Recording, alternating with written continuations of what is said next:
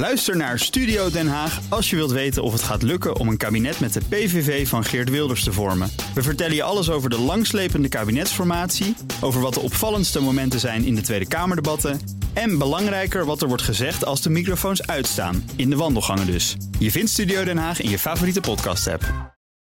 Onrust in Oostenrijk. Nazistische studentenverenigingen brengen de extreemrechtse regeringspartner FPE in grote verlegenheid. Europa-verslaggever Laurens Groeneveld, wat is er aan de hand? Je zou kunnen zeggen dat de lijken uit de kast beginnen te komen. Voor de tweede keer binnen een maand is er nu een gevoelig liederenboek opgedoken. Uh, dat komt van een studentenvereniging die direct is gelinkt aan de FPE. De eerste keer was in januari dat zijn boek werd gevonden. En dat leidde toen tot het opstappen van uh, prominente FPE'er Udo Landbauer. En hij bleek namelijk een vicevoorzitter te zijn van een club genaamd Germania met zo'n liederenboek. Uh, en toen werd het uiteindelijk gevraagd door de president dat hij moest opstappen. Ja, wat staat er nou in die boeken? Um, het blijkt dat het duidelijk echt antisemitische teksten zijn. Een paar voorbeelden. Uh, in het midden van hun staat een Jood genaamd Ben Gurion. Stap op het gas, oude Germanen. We kunnen de 7 miljoen halen.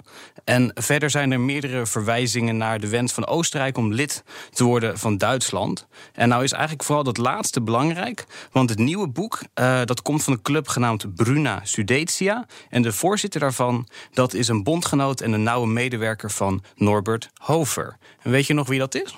Jazeker, dat kan me nog herinneren. Natuurlijk.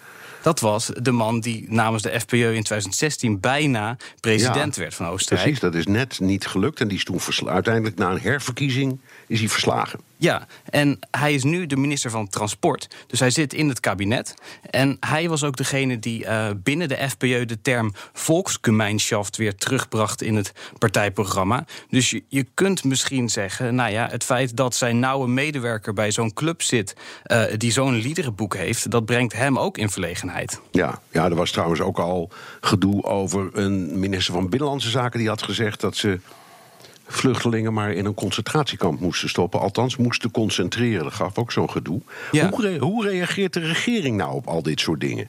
Nou, na het eerste schandaal probeerde premier Koert eigenlijk soort doeltreffende maatregelen te stellen. Hij zei: Ik ga direct die studentenvereniging Germania die ga ik sluiten. De FPE die kwam met een, een statement waarin ze zeiden: nazisme en antisemitisme dat veroordelen wij op sterkst mogelijke manier. Alleen direct daarna nu dus is er opnieuw zo'n liederenboek verschenen. Er is nu ook een onderzoek ingesteld door de FPE naar de, de historie. Alleen het probleem blijkt dus dat een heleboel van die, die FPE-leden... echte prominente figuren in die partij... dat die ook lid zijn van dat soort verenigingen. Dus dan is de vraag hoe, hoe diepgravend wordt dat onderzoek... en hoeveel komt er nu echt van terecht? Ja.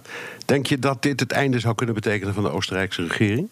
Nou, je weet misschien nog wel, Esther de Lange, die een tijdje geleden bij ons in de uitzending zat, ook over de nieuwe regering. Ja, die zei, die zei, ze zeggen alleen maar, maar ik heb, ik heb ze nog niet zien doen. En nu is er een verschil, kun je zeggen. Ja, want je ziet dus, nou, de, de lijken komen uit de kast. Je ziet dus echt die, die duidelijke link tussen uh, nou, nazistische ideologieën en ideeën. Die worden gelinkt aan de regering. En uh, er verschijnen nu ook berichten in de Duitse pers al. waarin je ziet van Koerts, die probeert, de premier hè, van Oostenrijk. die probeert echt die, die situatie aan banden te leggen. Maar het lukt hem eigenlijk niet om de FPE in de lijn te krijgen. En ook binnen de FPE weten ze niet goed hoe ze nu moeten omgaan met die, die schandalen die maar blijven komen. En daardoor komen ze eigenlijk niet aan het regeren toe. Nee.